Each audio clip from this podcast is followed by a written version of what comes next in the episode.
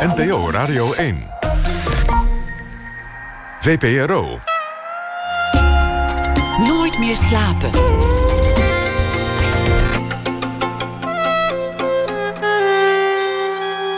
Met Pieter van der Wielen.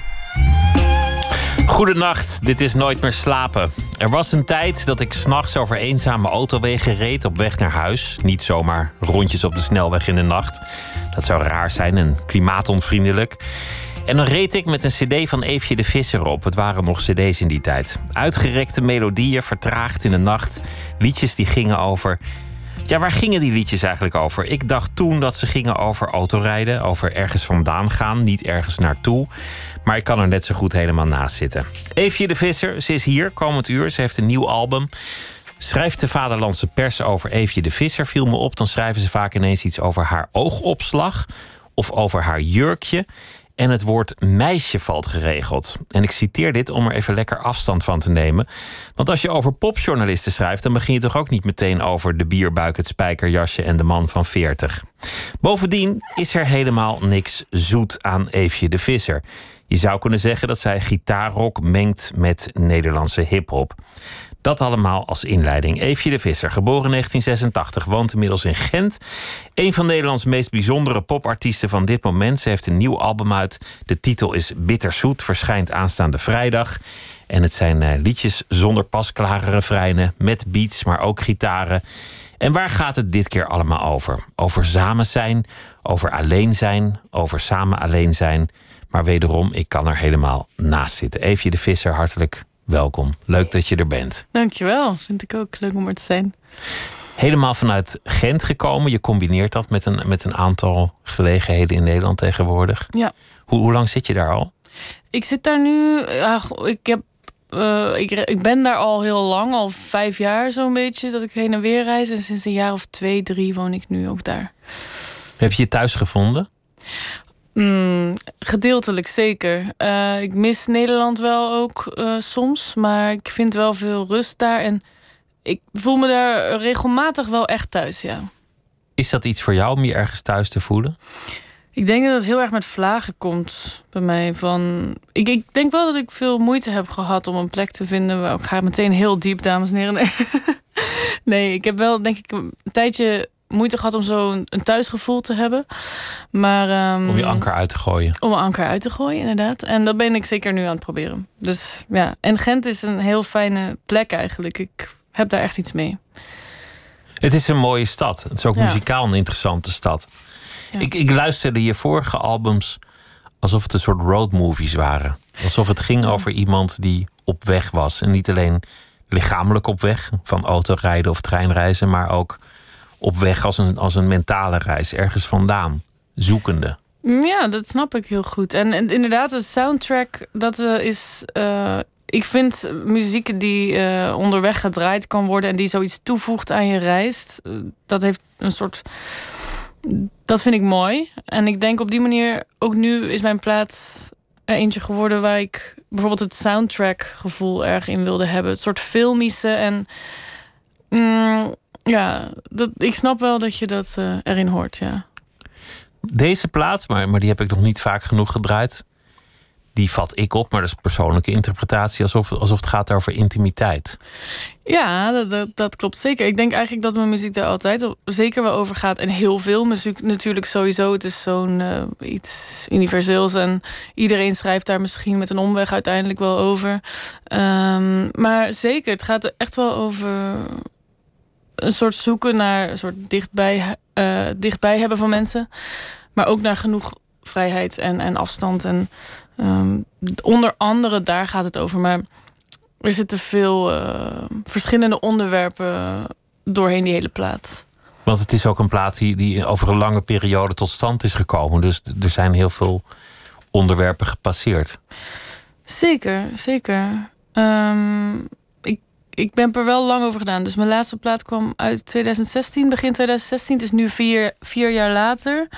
Um, ja, en intussen zit ik ja, bijvoorbeeld al lang in een lange relatie nu. Uh, ik ben inderdaad geëmigreerd. Um, dat soort dingen hebben allemaal, allemaal, allemaal gespeeld. En, en uh, ik denk onder andere dat zit, zit in die plaat, ja. Maar niet zo heel letterlijk of dat ik dat ja, precies kan zeggen dat liedje gaat daarover. Dat was toen en daar wilde ik dat zeggen. Zo, zo werkt muziek nee, ook niet. Ik, als ik nu even denk zo aan die plaat. Het gaat wel denk ik over het begin, de begintijd van, tussen mij en, en, mijn, uh, en mijn vriend. Um, over romantiek, denk ik op een bepaalde manier ook wel. En over zo romantiek, maar dan tegelijkertijd ook een soort cynisch zijn of zo. Of ja, altijd. Ik heb het idee dat ik wel veel tegenstellingen bezing op een bepaalde manier. Tegenstellingen die, die waarschijnlijk de meeste mensen wel in zichzelf kunnen vinden. Ja, zeker. Samen willen zijn, maar af en toe ook alleen willen zijn. Ja. Aangetrokken zijn, maar af en toe ook afstand voelen. Ja. Helemaal samensmelten, maar toch niet alles kunnen zien. Ja. Of thuis willen komen, maar ook juist op weg willen gaan, de wereld in. Ja, blijkbaar is het iets wat, uh, wat um, als vanzelf eigenlijk, zonder dat ik het van tevoren heel erg bedenk. Ik bedenk van tevoren niet waar ik het over ga hebben. Dus het, uh, het komt vrij uh, tijdens het schrijven. Uh, het onderwerp vormt zich tijdens het schrijven. Um, ja. ja. Eerste muziek, eerste melodie. En dan gaandeweg komen de woorden. Associatief. Ja. ja, associatief is nooit echt een, een woord wat in mijzelf opkomt of zo. Ik probeer heel erg beelden te, te scheppen wel. Dus ik vind, ik vind het belangrijk dat je iets voor je kan zien. En dat, dat iedereen zijn eigen beeld voor zich kan zien. Maar dat ik wel een soort film, filmpje uh, maak eigenlijk via tekst. Uh, en inderdaad, het is, het is denk ik wel associatief. Um, maar het is, het is niet bedoeld per se om associatief te zijn. Ik, ik, ik begin eraan op een gegeven moment komt er iets wat, wat gevoelsmatig klopt van mij. En vanuit daar begin ik gewoon schrijven. Eigenlijk vrij intuïtief. En ik maak heel veel. Ik gooi ook heel veel weg. Het meeste wat ik maak vind ik niet goed. Dus dan gooi ik dat weg. En dan zijn er zo'n aantal dingen die blijven. En die voor mijn gevoel kloppen en betekenis hebben. En die ook klankmatig kloppen met de muziek. En die niet uh, vloeken met de, met de muziek bijvoorbeeld. Ik ben altijd bezig met de klank van de woorden ook heel erg. Niet, niet een, een tekst die helemaal ontrijmt met de muziek. Dat, dat de stemming niet meer klopt of, ja, of de sfeer. Dat is eigenlijk heel grappig, want ik schrijf altijd eerst in het Engels. Uh, een, een, een heel slechte Engelse brabbeltekst eigenlijk. Want ik kan makkelijk improviseren met melodie in het Engels. En dan is het op een gegeven moment helemaal af in het slecht Engels, zeg maar. En dan wil ik een Nederlandse tekst erin maken. En dan kom je er eigenlijk achter ook dat heel veel zinnen die je daarin probeert te stoppen dat dat niet mooi is. Of dat, dat dat een bepaalde emotie weghaalt wat er wel in dat Engelstalige zat.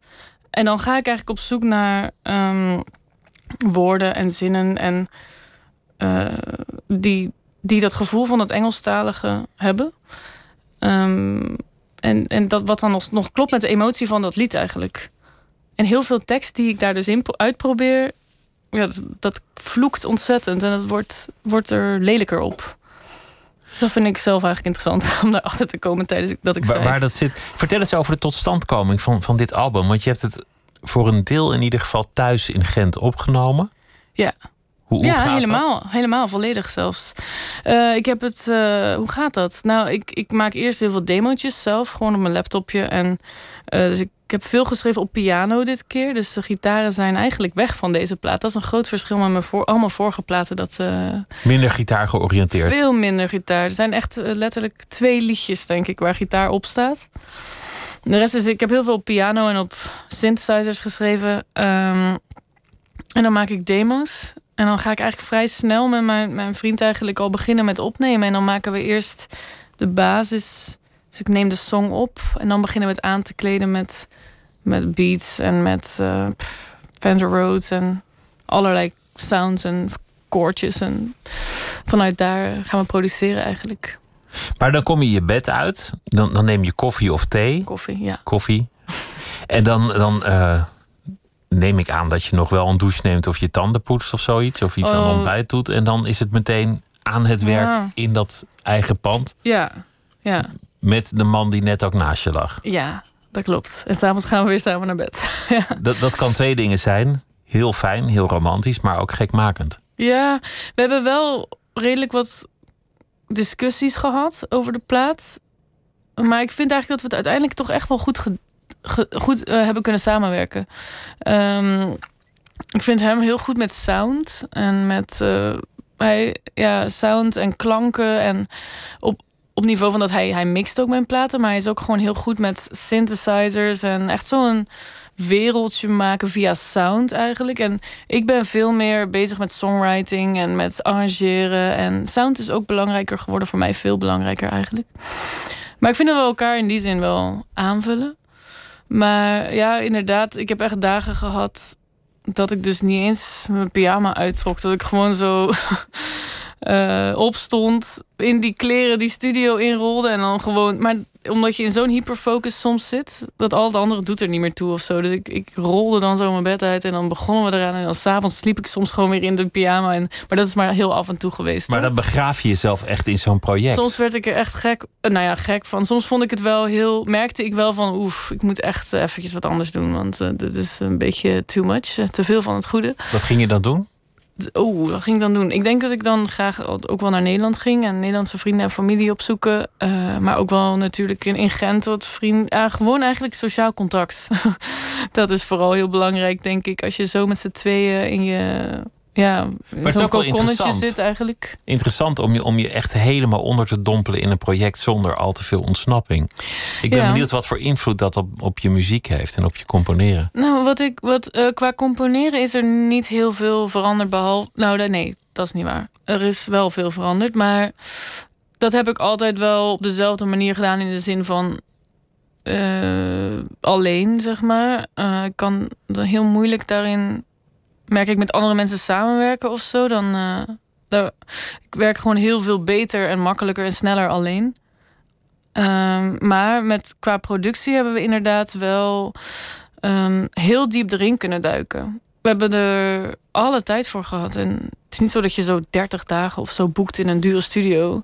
Het was gewoon zo onbeperkt eigenlijk. En ik denk dat het wel de plaat ten goede gekomen is. Dat we heel zorgvuldig die plaat gemaakt hebben. Het is wel een zorgvuldig gemaakte plaat, zeg maar. Het is, ik kan het heel erg cool vinden als sommige bands zo de studio ingaan... en zo in twee weken gewoon zoiets heel... Ja, hoe zeg je dat? Heel rechtuit en heel... Dat, heel uh, losjes maken of zo. Maar nee, ik ben wel iemand die... Ik, ik kan het bewonderen van hun, maar ik kan dat zelf niet. Ik denk dat ik een beetje perfectionistisch ben. Dus dan kan je dagen over, over één beat of één bekkenslag nadenken, oh, gissen. Ja, nou, het was vooral heel veel weggooien. En erachter komen dat dingen niet werken. En waarom werkt het dan niet? En dat is eigenlijk wat je de hele tijd aan het doen bent. Van het werkt niet, maar waarom niet? En dan. Schrappen. Ja, en dan weer dingen weggooien, weer dingen erbij doen. Dan erachter komen dat je veel te veel ingespeeld hebt. Dat je het allemaal weer weg moet gooien. En dat je dan weer denkt dat er te weinig is. En dan moet er weer bij komen. En een heel raar uh, proces. Maar ik, ik vind het eigenlijk bizar nu, als het nu af, nu het af is is het net alsof het ja, wel heel makkelijk ging of zo. Ook voor mijzelf, ik vergeet het soms.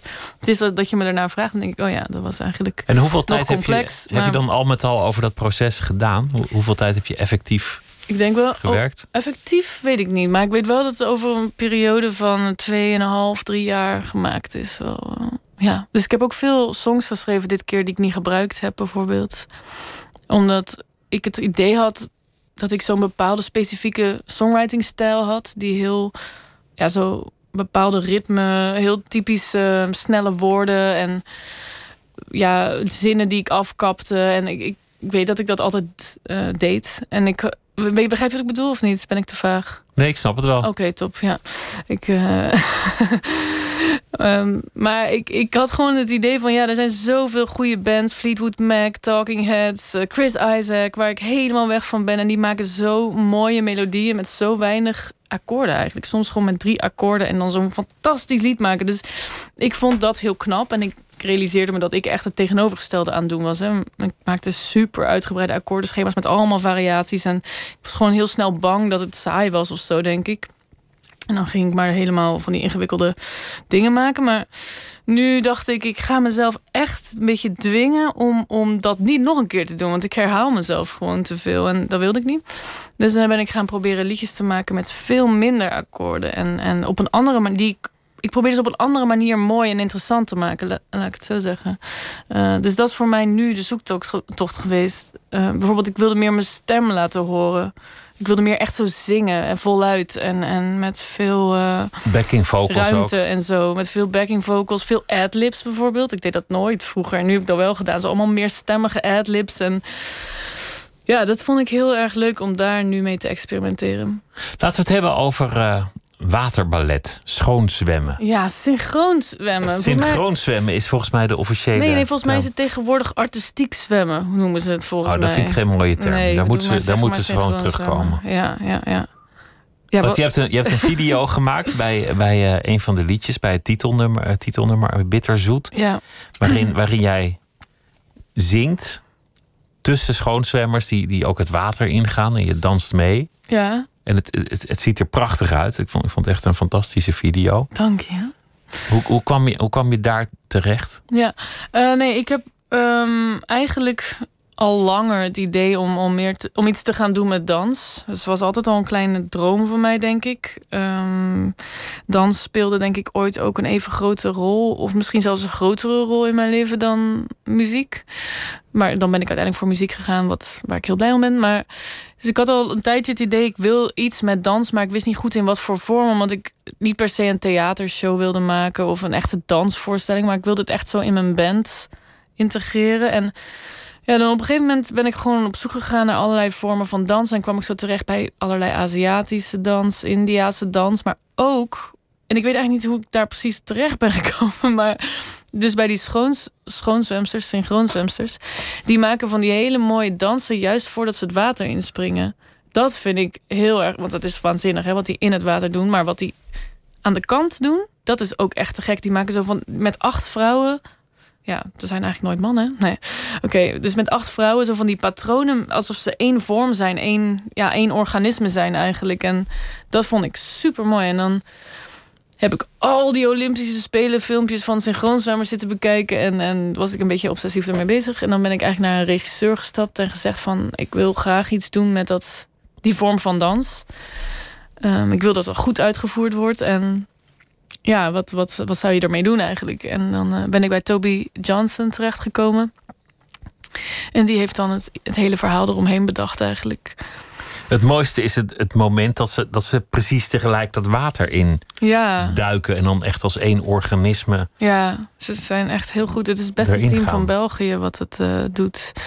Ja, ik, ik vind dat ook heel erg magisch. Ja. Dat is gewoon. Maar tegelijkertijd, dat is het grappige. En daar spelen we ook mee in de video. Heeft het iets heel creepy, omdat het zo perfect is. En die hebben altijd van die nepglimlachen en zo heel over de top make-up. En er zit ook iets heel fake aan. Aan dat uh, hele perfectionistische van die vorm van sportdans, zeg maar. En dat is ook iets wat, wat hij interessant vond om iets mee te doen. Met dat soort van ja, fake, wat daar ook de in buitenkant. Zit. De buitenkant, ja. Huilen van binnen.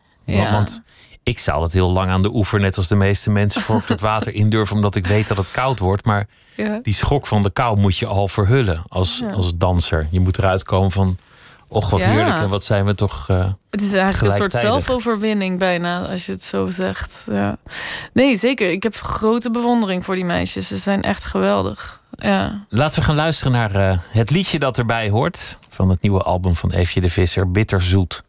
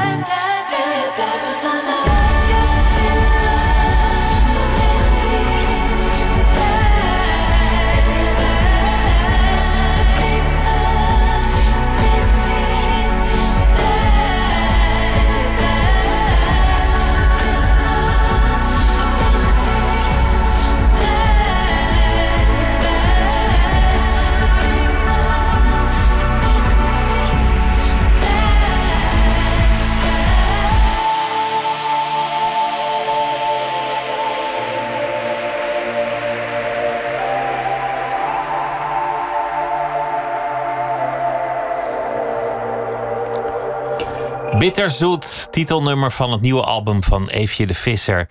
En ze zit tegenover me. We hebben het gehad over het uh, nieuwe album dat tot stand kwam thuis in Gent.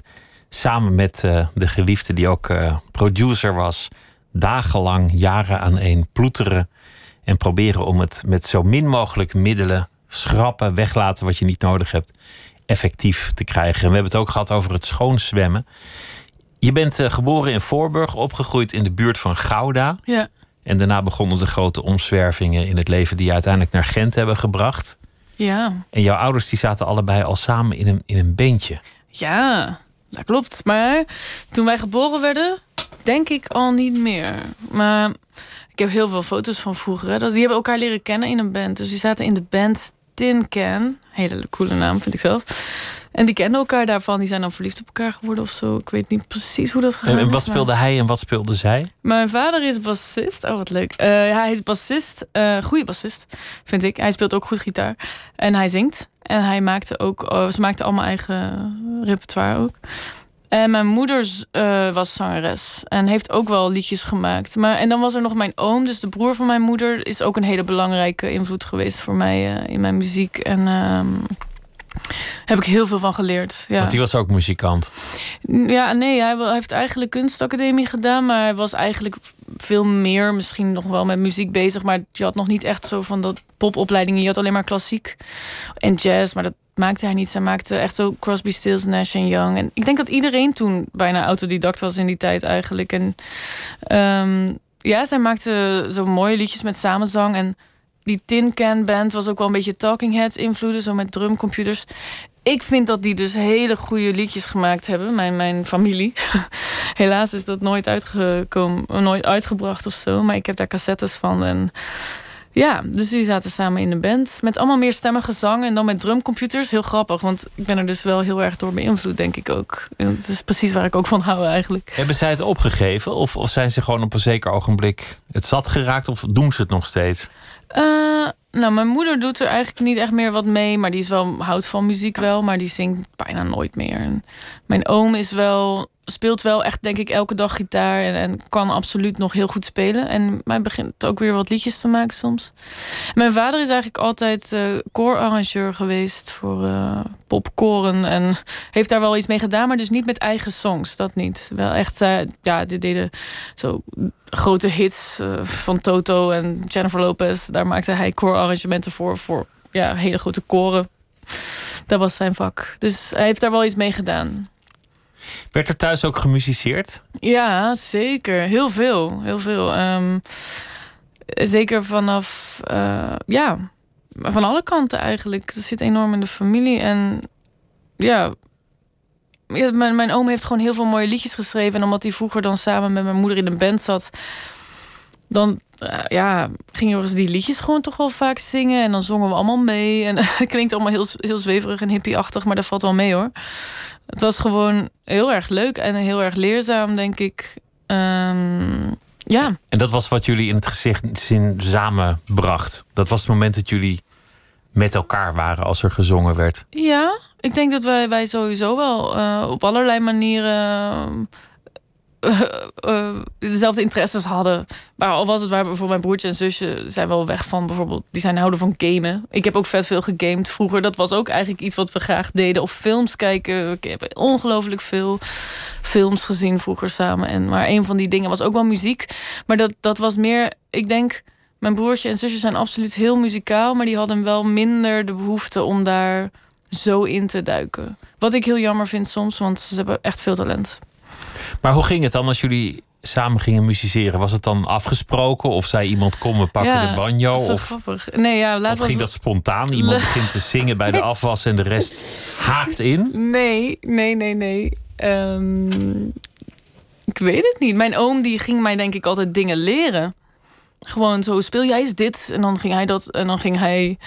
Ja, dan gingen we samen gewoon iets spelen. En dan zei hij wat ik moest spelen. Of, of dan liet ik weer wat horen. Ja, ik kan het niet goed uitleggen. Heel organisch in ieder geval. En had ook helemaal niet zo dat iedereen dan in een kringetje zat. En iedereen zat gewoon wat anders te doen. De een zat tv te kijken en de ander zat, pff, weet ik, veel, een stripboek te lezen. En wij zaten dan dat te doen. En iemand was aan het koken. Snap je? Het is niet zo dat we daar allemaal kumbaya... eh, dat niet. Kumbuya? Kumbaya?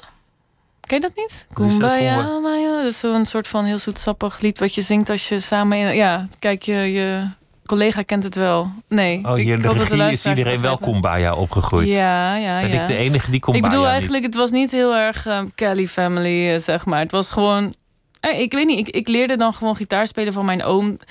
En soms, en soms waren ook wel veel discussies in huis. Wel zoveel over eh, ja, allerlei onderwerpen. En dan, en, dan zijn, en dan was het altijd wel zo van... speel even een liedje, want dan eh, kunnen we gewoon lekker samen even muziek maken. En dat was dan chiller dan eh, dat iedereen de hele tijd met elkaar oneens was... over bepaalde onderwerpen.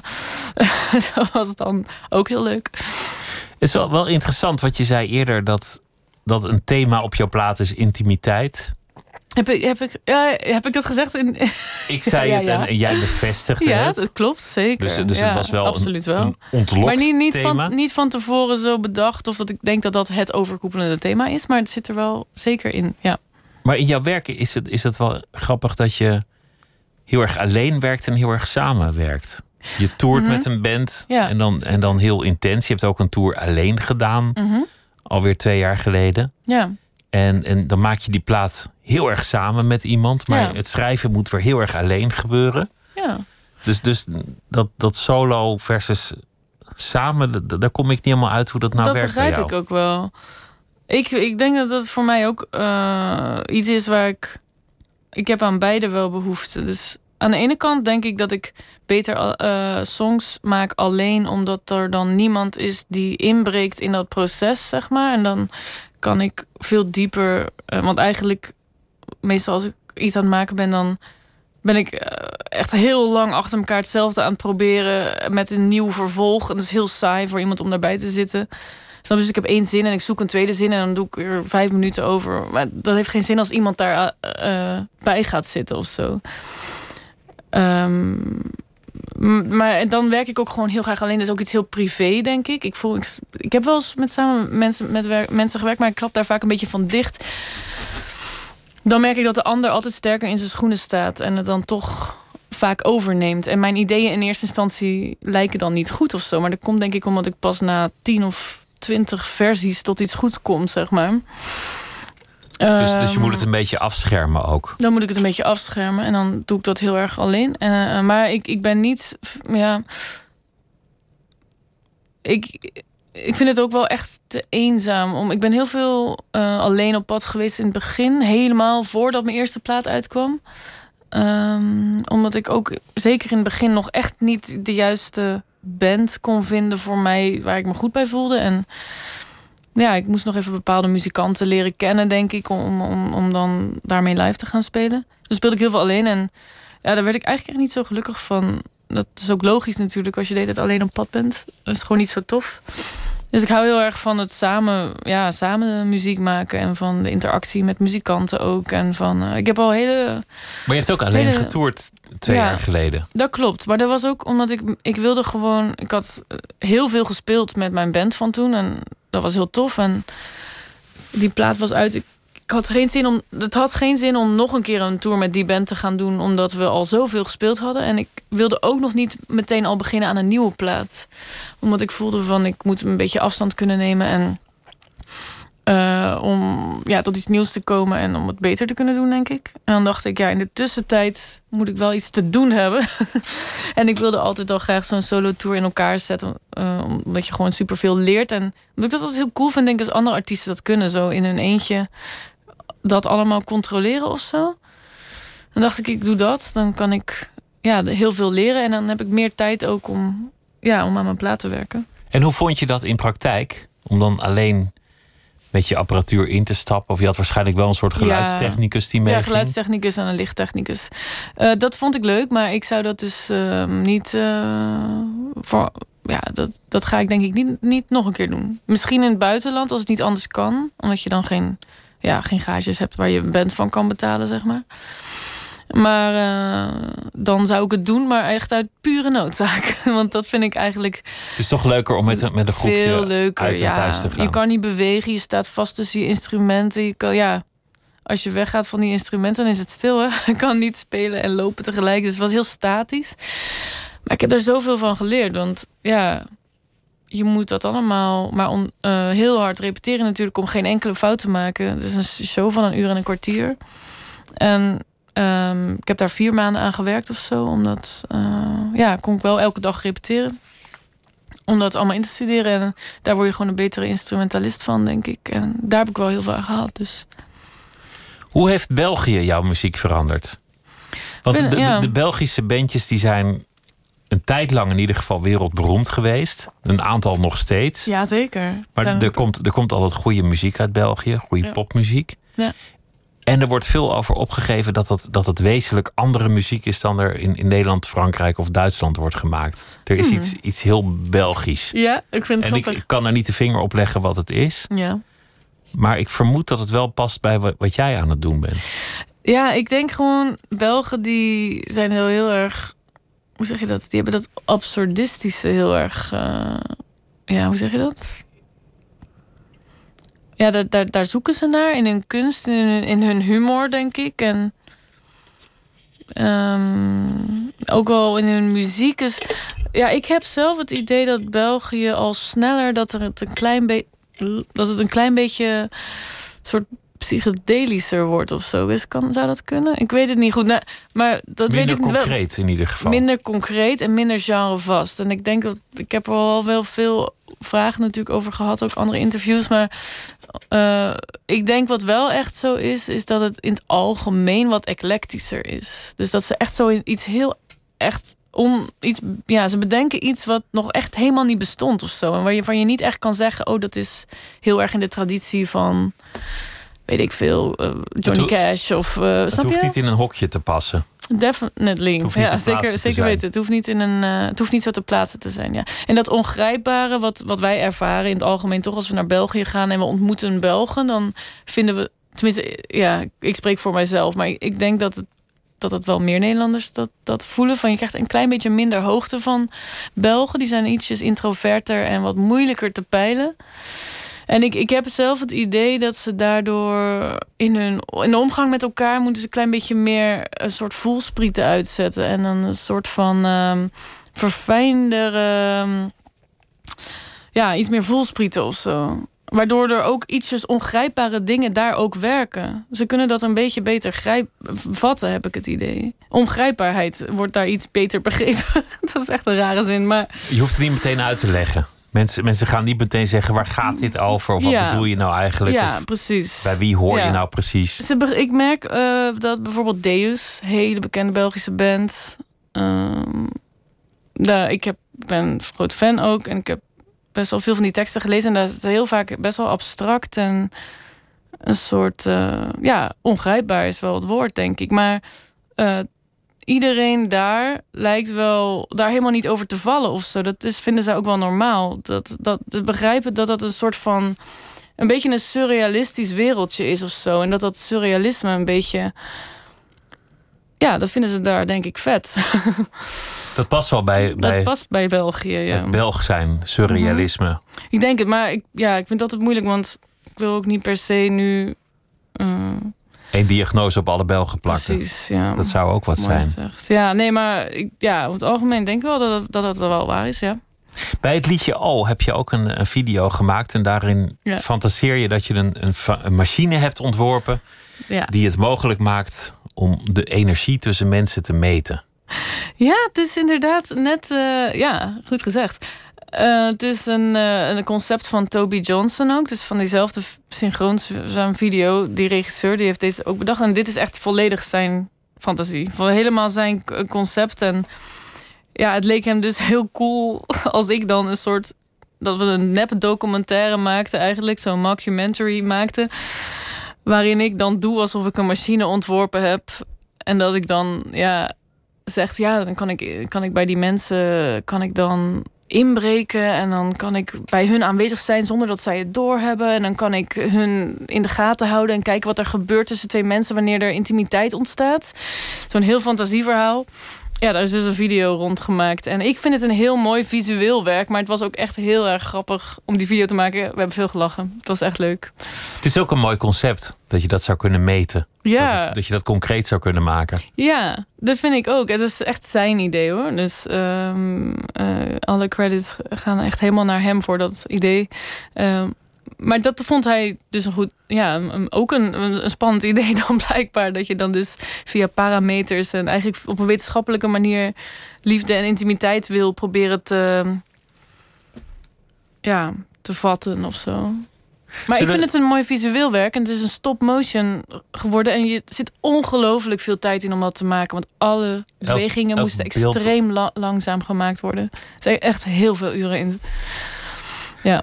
We gaan luisteren naar het, eh, het liedje. Eefje Ja. de Visser. En dit, dit nummer heet O.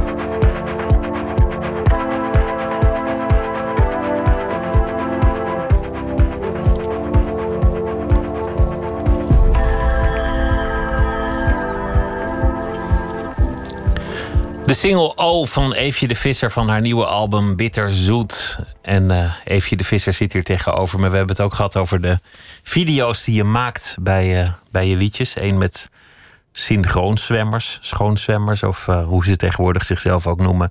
En dit ging over een machine die energie tussen mensen kan meten... en daarmee liefde kwantificeerbaar kan maken.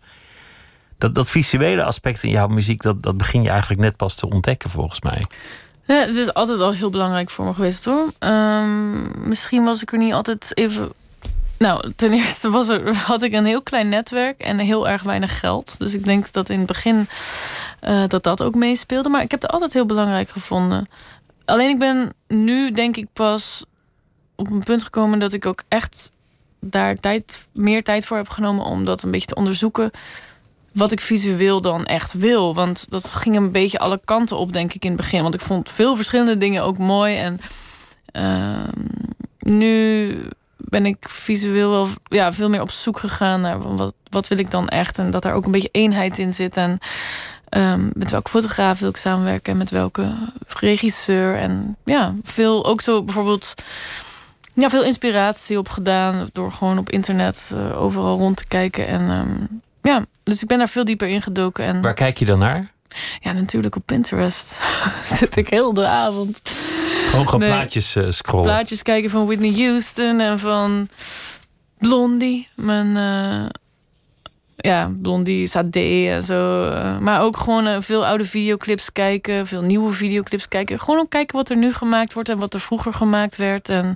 Blondie is een held van jou, hè? Want, want je hebt, je hebt ook wel eens een liedje ja. van haar gedaan in... Ja op televisie? Ja, ik, ik, ik, moet zeggen, ik ben niet opgegroeid daarmee natuurlijk. Maar ik, ik heb ooit in een blondie coverband gezeten. En met mijn broer destijds. Uh, pff, ja, ik vond het hele vette liedjes. En ik heb het daardoor leren kennen. En ik vind haar geweldig, een prachtige, mooie vrouw. En een stijlicoon voor mij ook wel. Ik vind haar... Ja, te gek. Het is wel, wel grappig dat, dat jouw bronnen uit alle hoeken kunnen komen. Ja, zeker. Ik ben wel, ja, absoluut. Ja, ik, ik las dat je fan bent van Frank Ocean. Ja. En, en dat, dat is weer iets heel anders, maar dat, dat hoor je wel een beetje terug. Dat soortgelijke dingen in, jou, in jouw nieuwe album. Ja, er zitten wel een klein beetje RB-invloeden ook in. Ja. Dus, en ook, ja, ook wel die, zo die jaren tachtig soundtrack uh, uh, vibe vind ik vet. Uh, dus ja, dat, dat klopt wel. En dan bepaalde dance acts die ik heel vet vind. En ja, het is, het is ook wel eigenlijk redelijk eclectisch. Maar uh, tegelijkertijd hoop ik dat mijn zang bijvoorbeeld... En, en, dat er een bepaalde stijl in zit die toch zorgt voor genoeg eenheid of zo. Of ja, daar zoek ik ook wel naar. Het is niet... niet maar ik heb veel verschillende soorten inspiratiebronnen. Dat klopt. Ook Kate Bush en pff, ja...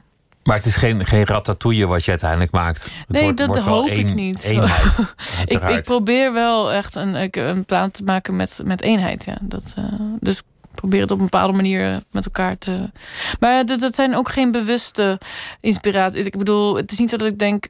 Oh, ik vind dat zo mooi. Ik ga nu zoiets maken of zo. Maar onbewust, dat zit gewoon allemaal in je geheugen en in je systeem. En je wordt geïnspireerd door alles om je heen natuurlijk. Je, de, ja, ook de muziek die mijn ouders maakten, de muziek die mijn vrienden maken.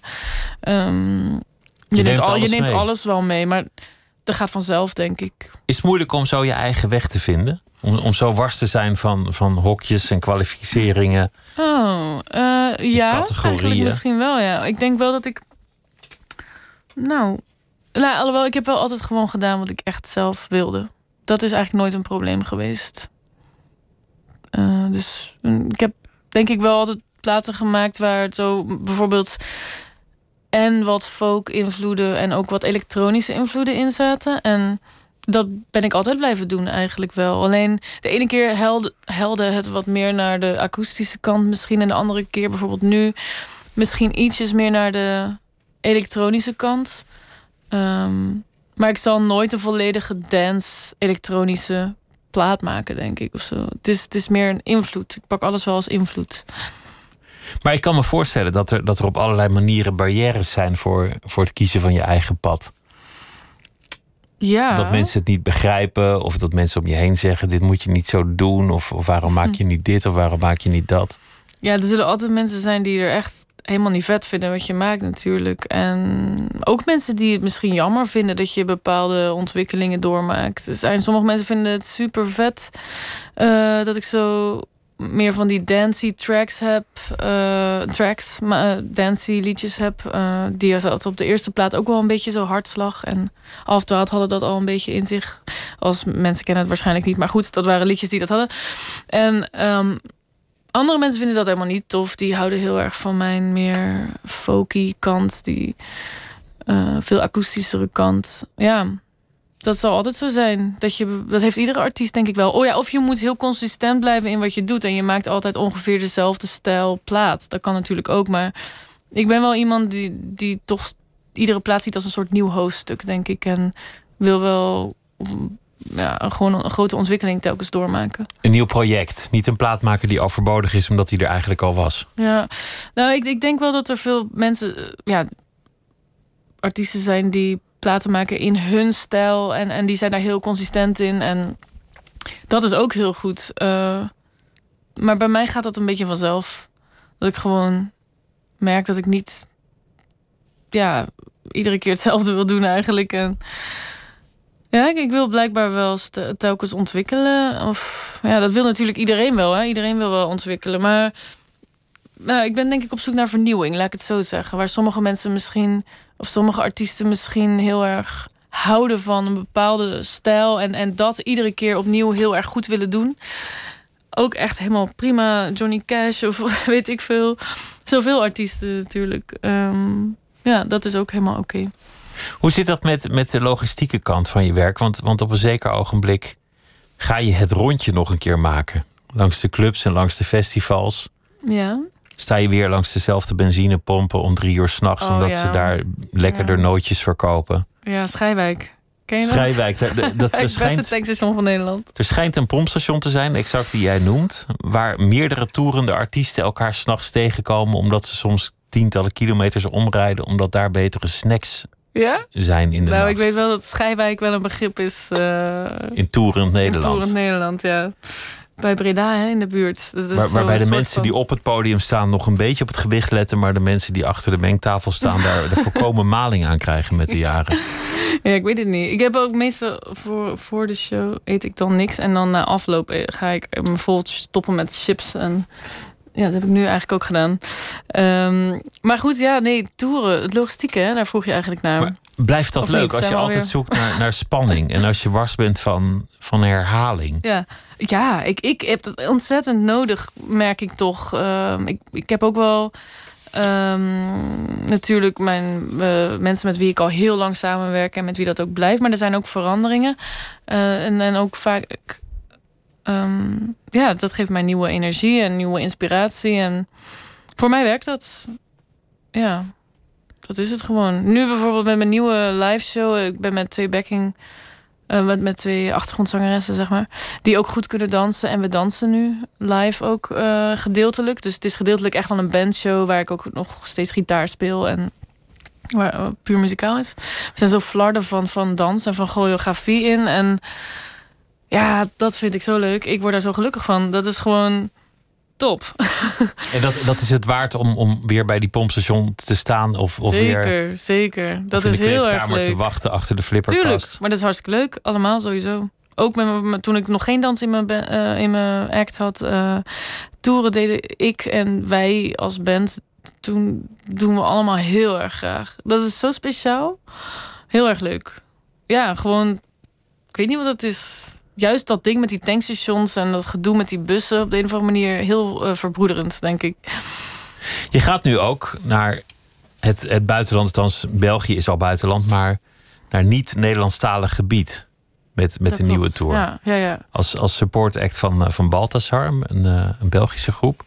Je gaat naar Frankrijk, naar Duitsland. Ja, naar Polen, naar oei, allerlei Denemarken denk ik en Zweden. Ja, Italië. Het, zijn, het is best wel een grote tour. Ja. Wel, wel interessant wat er gaat gebeuren met Nederlandstalige muziek. Ja. Waar, waarbij de tekst niet, niet ontzettend belangrijk is. Het is ook weer niet een protestlied waarvan je. Ja, Ik bedoel, het is niet zoals andere bands waar de tekst echt het ding is. het belangrijkste is. Ja, tekst is voor mij eh, absoluut. Ik wil dat dat heel erg Ik vind het belangrijk, maar ik, ik wil uh, dat het in eerste instantie een muzikale ervaring is wat ik doe. Net zoals bij Engelstalige muziek ben je zo vaak pas in derde of vierde of vijfde instantie naar de tekst aan het luisteren. Dat vind ik zelf heel fijn. Dus ik word dan in, bij Engelstalige muziek gewoon heel erg meegenomen door die muziek. En dan is er nog zo'n extra dimensie van die tekst, zeg maar. Dat vind ik cool. Maar ja, ik luister ook veel naar Christine and the Queens of Rosalia of zo. Allerlei muziek die ik helemaal niet versta. Waar ik echt niks, geen woord van versta, maar wat ik alsnog mooi vind. En waar de emotie van de. de, de, de ja, of hoeft niet per se de emotie te zijn, maar de, waar er genoeg overkomt via de muziek op zich. En niet per se via de taal of zo. Dat is wel wonderlijk. Ik, ik heb ook muziek eh, van weet ik veel, Afrikaanse artiesten of, of, of Israëlische artiesten van, waarvan je helemaal niet verstaat wat ze zingen, omdat je de taal niet kent. Ja. Of, of Latijnse gezangen, waarbij je toch voelt waar het over gaat. Of denkt dat te denk voelen. Je, ja, inderdaad. En misschien is dat ook wel cool dat je dan dus je eigen ja, idee daarbij kan hebben. Uh, ja, ik, ik, wat ik heel leuk vind aan muziek is dat het gewoon wat minder. Um, het is een ander. Het is ietsje meer onderbuik voor mij, hè? Ik, voor, voor mij is muziek komt meer emotioneel binnen, zeg maar, dan tekst. Maar dat is, sommige mensen hebben misschien meer met het woord, zeg maar. Maar ik maak echt teksten omdat ik iets wil zingen in de muziek. Maar ik zou nooit een tekst losschrijven, zeg maar.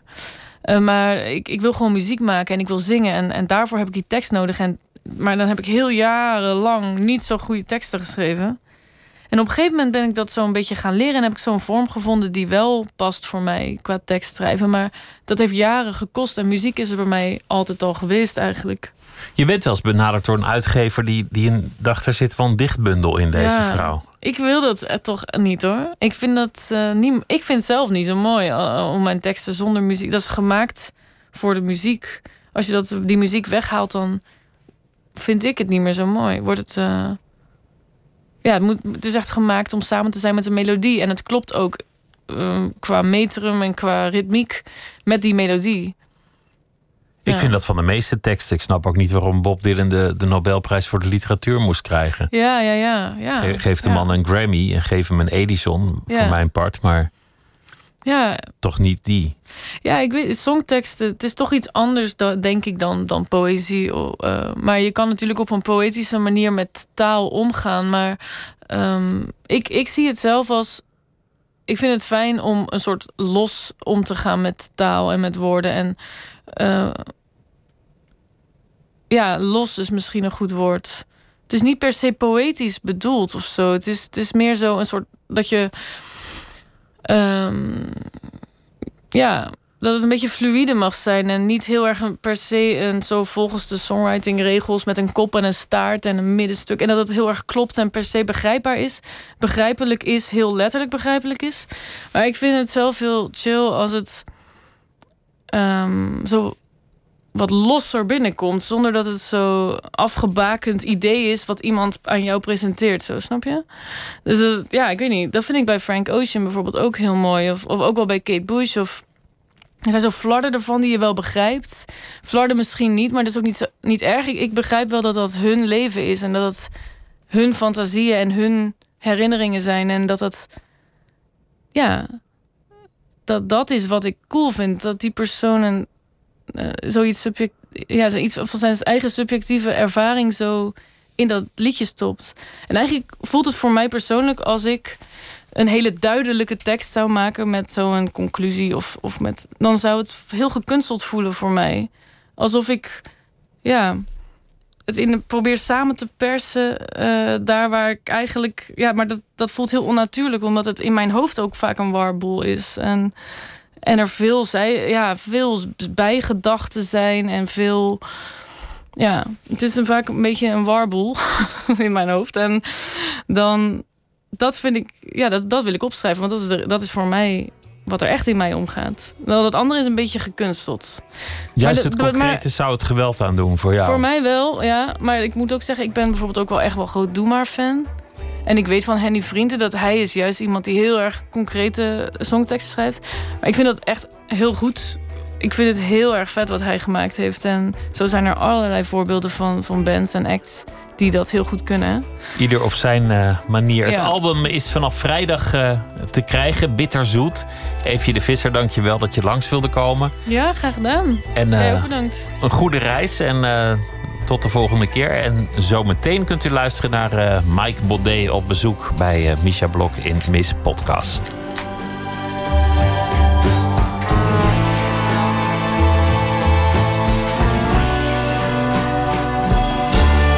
Radio 1, het nieuws van alle kanten.